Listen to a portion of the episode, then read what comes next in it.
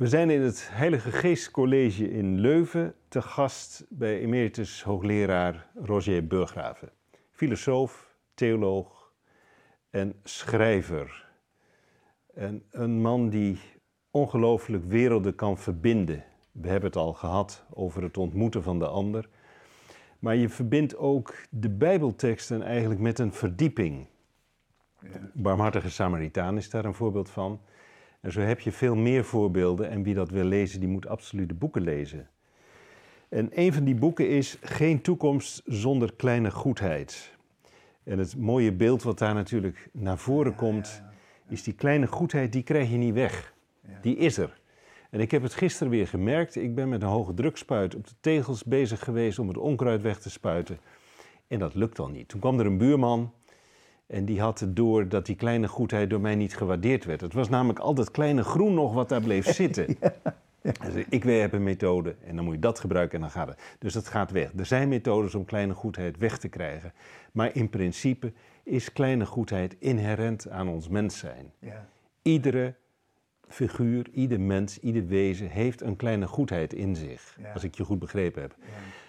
Maar, en dan wil ik gelijk maar met de deur in huis vallen. We zien op het ogenblik een mens die in mijn ogen die kleine goedheid ja. kwijt is. Ja. Hoe zie jij dat in het licht van het hele positieve verhaal wat je hebt verteld? Van die kleine goedheid is een wezenskracht van de mens.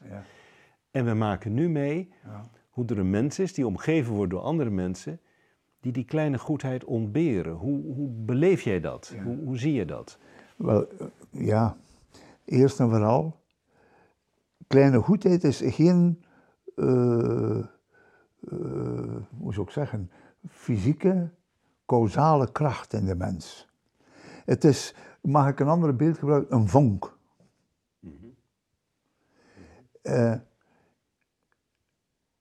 het is dus mogelijk dat die kleine goedheid kapot gemaakt wordt of weggeduwd wordt, dat ze niet opduikt. Want ze hoort tot het mens zijn als ethische mogelijkheid. Ze is dus geen fysische noodzaak. Vandaar men, het idee van de vonk. Van, of de geest, of, of ja, eh, het, het baarmoederlijke, waardoor je uh, gewekt kunt worden tot goedheid. En het idee van de kleine goedheid als ethische uh, idee niet als fysische causaliteit, maar als ethisch idee, is bij Levinas ontstaan precies vanuit zijn lezing van het boek van die Vassili Grossman, Leven en Lot, die dus het verhaal van het Stalinisme doet en in het boek een figuur laat optreden, Ikonikov, een esprit simple, een simpele van geest. Een esprit faible, ook een zwakke geest. Het, het is geen sterke, heroïsche geest. Maar het is dus uh, iemand die gevoelig is, maar die dus door een regime en een systeem dat het goede probeert als maatschappijordening te organiseren, ervaart als repressie, als een vernietiging van het humane.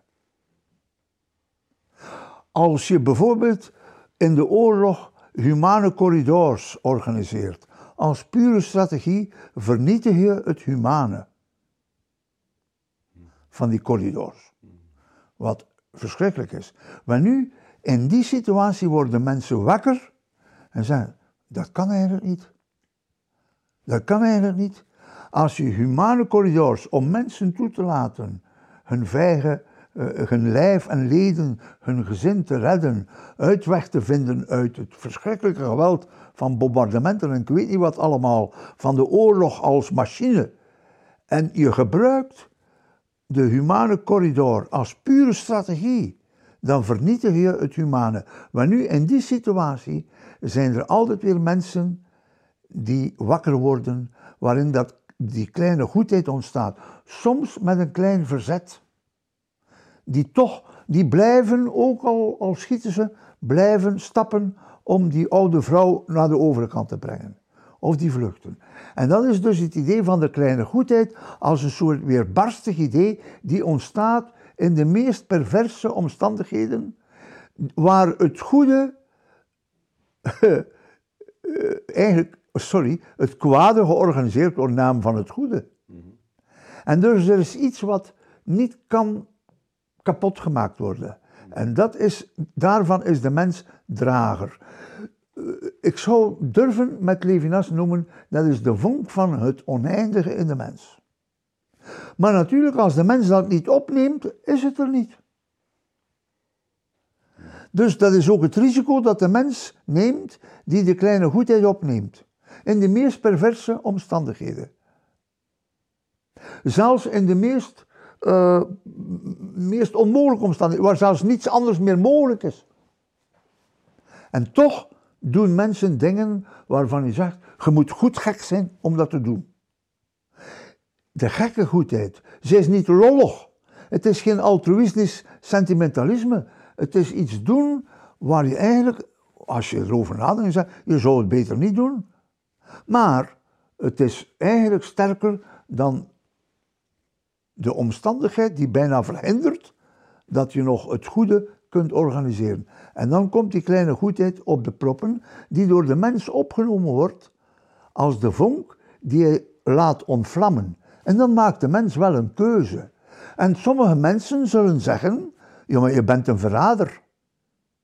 Ik zal nooit vergeten dat mijn vader over de Tweede Wereldoorlog vertelde dat er in het dorp een arts was, die dus in de bezetting ook Duitse soldaten, ook collaborateurs, wat wij dus noemden de zwarte, diegenen die met de Duitse bezetter collaboreerden, onverschillig volgens zijn eed van Hippocrates, hè, de mensen geholpen heeft.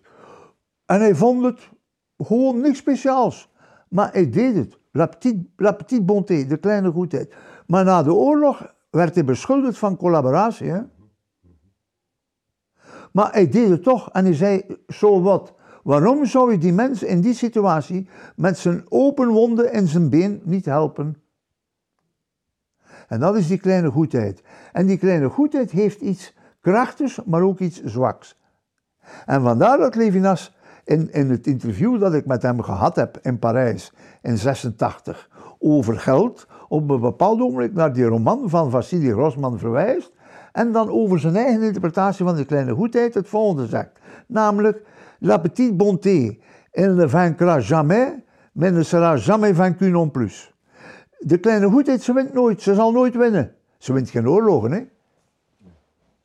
Daarvoor moet je een goed leger hebben, of goed overleg. Maar ze wordt ook nooit overwonnen. Er is dus iets in de mens dat weerbarstig is en dat weerstaat aan, aan regimes, aan een klinieksysteem, een onderwijssysteem, een politiek systeem, een sociaal systeem, een oorlogsmachine, die als, als totaliteit zijn eigen wetmatigheid heeft en een karkaan heeft waarin blijkt dat er geen menselijkheid meer mogelijk is. En toch is er nog altijd dat andere van die kleine goedheid mogelijk. En daaruit ontstaat ook vormen van klein verzet zonder dat het de naam verzet heeft. Want je kunt er niet aan. En, en dat, is, dat is eigenlijk de belofte. Maar niet de belofte. Oh, het komt allemaal in orde. Oh, wij beloven u oh, de, de, hè, de, pax, de pax Romana of de Pax Sovjetica, of de Pax Americana. Ja, als iedereen hetzelfde denkt en doet, dan is er natuurlijk de universele vrede. Ten koste van wat? Maar er is iets wat door niets en niemand kan kapot gemaakt worden. Natuurlijk, het zit in, de, in het hart of in het vlees of in de ziel van de mens. Levinas noemde het de profundis, de diepte van de mens, de ziel, hè, die vonk. Maar als het niet door de mens opgenomen wordt, is het er ook niet. Dus het is iets heel uh, kwetsbaar. Vandaar dat Levinas het beeld gebruikt van het grasprietje, zoals je zelf aangeeft. Maar het is iets gek, want ik heb het zelf met Levinas meegemaakt. Hè. Als ik op bezoek ging bij hem in Parijs, dan gingen we altijd in de buurt bij, in zo'n bistro of in een cafeetje een koffietje gaan drinken. En voor, voor het café was er zo een trottoir, een voetpad, en dan zag je, een beetje onverzorgd, het gras tussen de tegels omhoog kruipen. En hij zei, je moet eens proberen dat gras plat te trappen. Als je je rug gedraaid bent, staat het u iets uit te lachen in je rug. Want het trekt zich weer op. Hij gebruikt ook het beeld van de morgendauw. Het is zo kwetsbaar als een morgendauw. Maar het is er wel. En het is er telkens opnieuw. En in dat opzicht is, is onze maatschappij niet getekend door wanhoop, maar door hoop. Uh, hij, hij beseft, Levinas, en ik besef dat ook, hè, voor mij is dat heel belangrijk. Je hebt economische systemen, je hebt allerlei sociale systemen, je hebt ook uh, geweldsystemen, je hebt ook oorlogssystemen, die volgens een bepaalde rationaliteit zichzelf verheffen tot totalitair uh, gesloten karkan, waarin mensen geen mensen meer zijn en waar mensen eigenlijk objecten worden van een calcul, van een berekening. Levinas noemt dat het Ilia. Niet meer ik ben, niet meer jij bent, niet meer wij zijn personen, maar we zijn het onpersoonlijke, gede gedepersonaliseerd, neutraal iets. Dat is, dat is die wetmatigheid. Maar toch, bijvoorbeeld, ze moeten dan toch met elkaar gaan overleggen. Dan moeten ze toch weer met elkaar gaan spreken van oog in oog. Zelfs als ze elkaar bedriegen. Want ze kunnen het als strategie zien. Uiteindelijk moeten ze toch elkaar benaderen face à face. En dat is de grond van die kleine goedheid. Want die begint altijd weer tussen mensen in het face à oog in oog, gelaat van gelaat. De ene mens tegenover de andere, die getroffen. En zegt, maar dat, die, die persoon kan je toch niet in de steek laten? Je kunt toch niet die ander aan zijn lot overlaten? En dat is die kleine goedheid die gegrond is, geworteld is in het face-à-face. Het spoor, met Levinas zou ik dat ook durven noemen, het spoor, la trace de l'infini, het spoor van het oneindige, wat ons eigenlijk boven onszelf uitheft. Maar het is zo vrij als iets. Maar het is zoals dat grasprietje. Misschien probeert men het plat te trappen, maar als je je rug gedraaid zit, staat het u al half rechtop weer in je rug uit te lachen. Ja. Dat is prachtig, hè?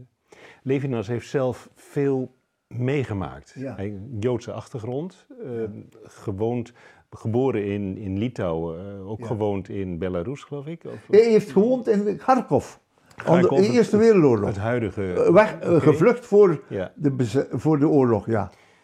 Je ziet soms dat mensen die catastrofes meemaken, die kunnen toch mild blijven. Ja. Is hij mild gebleven? Ja. Ja, vind je wel? Ja, mild, maar ook, ik vond ook, uh, het herkennen van het gelaat van de ander is ook rechtvaardigheid.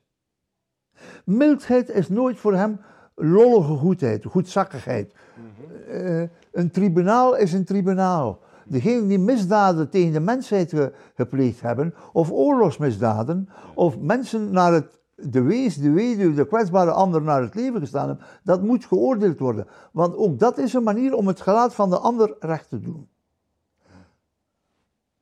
De, voor hem was dat zeer. Maar geen wraak, geen, hoe zou ik zeggen, pathologische manier van, wij, wij gaan alles zonder enige vorm van face à face.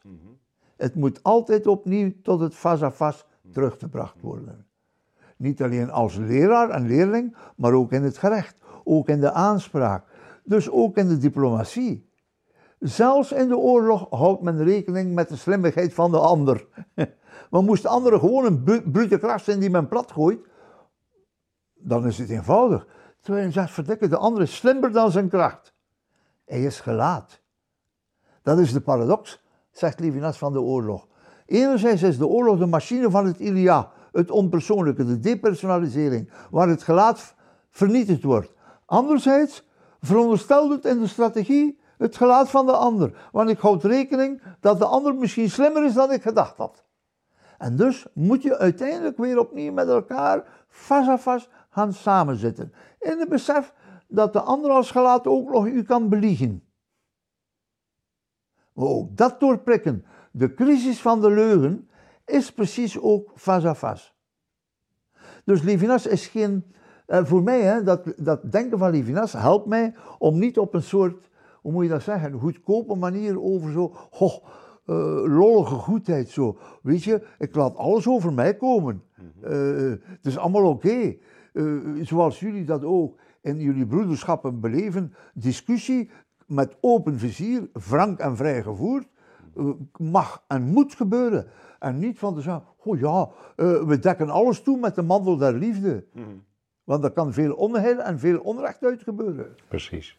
En dat is geen kleine goedheid, maar dat is ook geen rechtvaardigheid en ook geen face à face.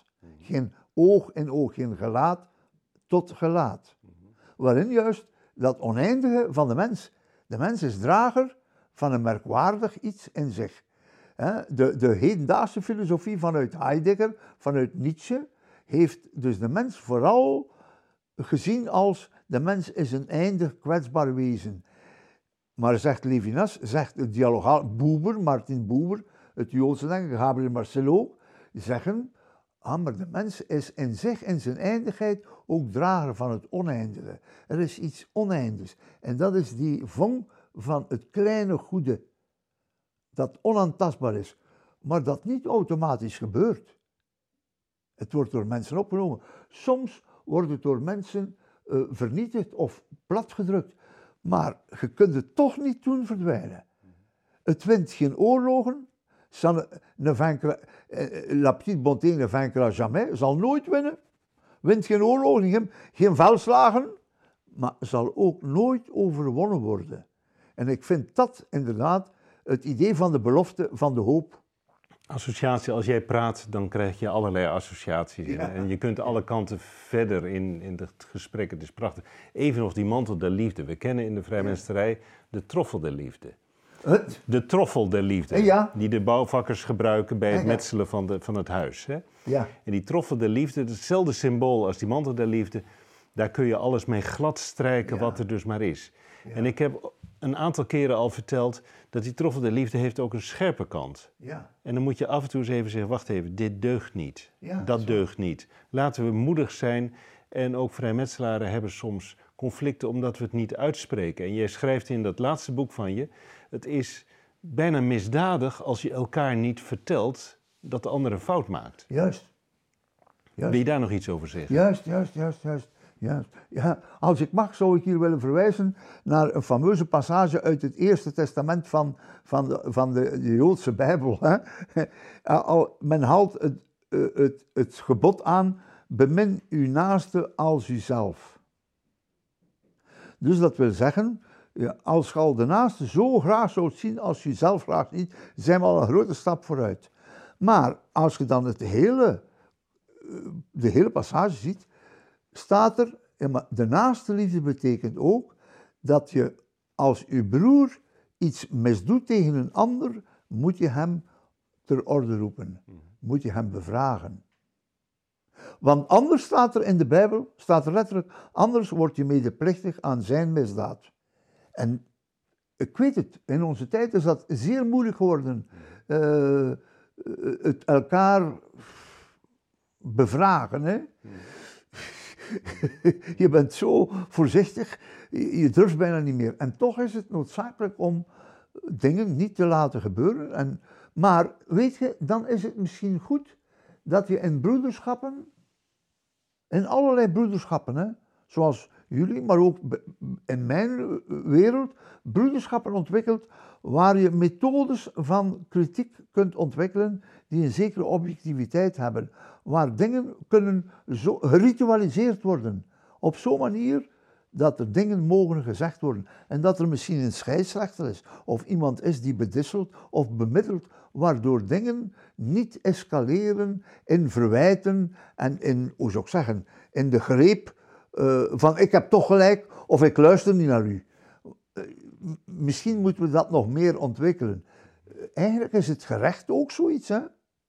Het gerecht zou moeten een manier zijn om met elkaar onrecht uit te spreken en kijken waar de fout zit en waar verbetering kan gebeuren. En zo de dingen uitspreken dat ze erkend worden en dat degene die de fout gemaakt heeft ook nog nieuwe kansen krijgt en dat degene die de fout moest ondergaan ook levenskansen krijgt. En dat moet in een open ruimte gecreëerd worden.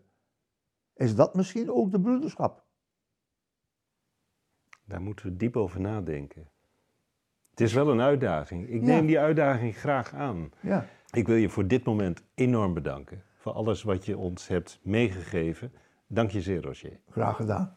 Dit was het tweede gesprek met emeritus hoogleraar Roger Burggraven in zijn huis, in zijn woning in de Heilige Geest College in Leuven. Hebben dat gesprek gehad naar aanleiding van een aantal door hem besproken onderwerpen in zijn boek Geen toekomst zonder kleine goedheid, geplaatst in de huidige tijd die zo actueel is met zoveel ellende om ons heen. En dan is het toch mooi om te kunnen zien dat er hoop kan zijn. En Roger Burggraven relateert dat aan zijn kennis en inzichten.